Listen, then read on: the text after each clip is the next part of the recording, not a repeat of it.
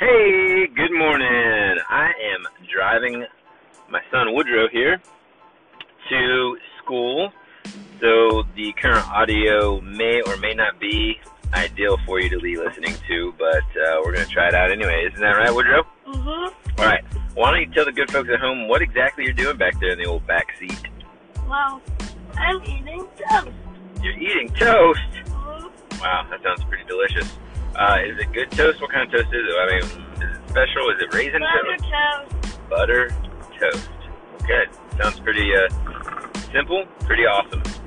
Um, cool. So this is Friday. It's, I mean, uh, the last day of the week, uh, and the last day that you have to go to school or summer camp, whatever you want to call it.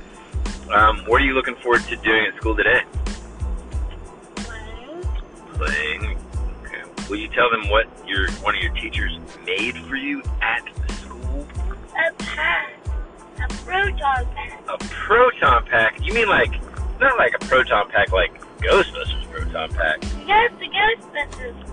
Holy cow, your teachers are amazing. What else did that teacher make you? A PJE.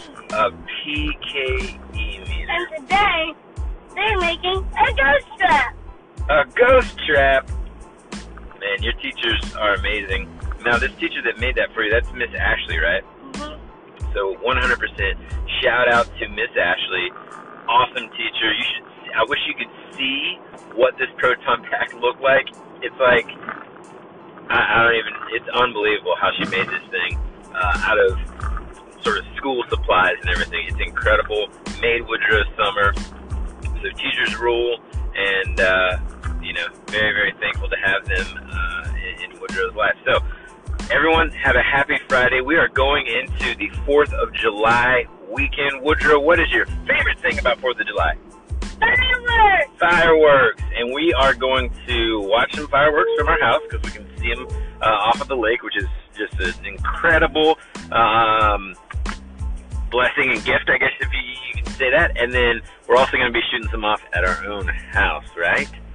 Mm-hmm. We're going to do it safely, though, correct? Mhm. And what does that mean? We're going to do it. Do you think we should do it close to the house or far away from the house?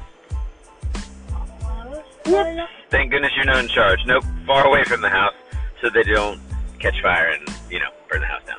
Uh, or pop and hurt somebody that's standing there watching, right? Cool. Okay, and do you think we should have.